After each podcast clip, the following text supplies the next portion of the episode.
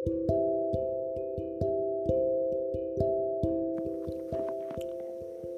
yang kuanggap rumah sudah pergi.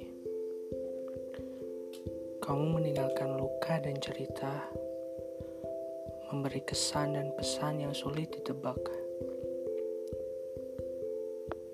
Aku buat sepatah kata ini di malam yang sunyi, bercampur dengan heningnya lagi, tanpa arti dan tujuan yang pasti.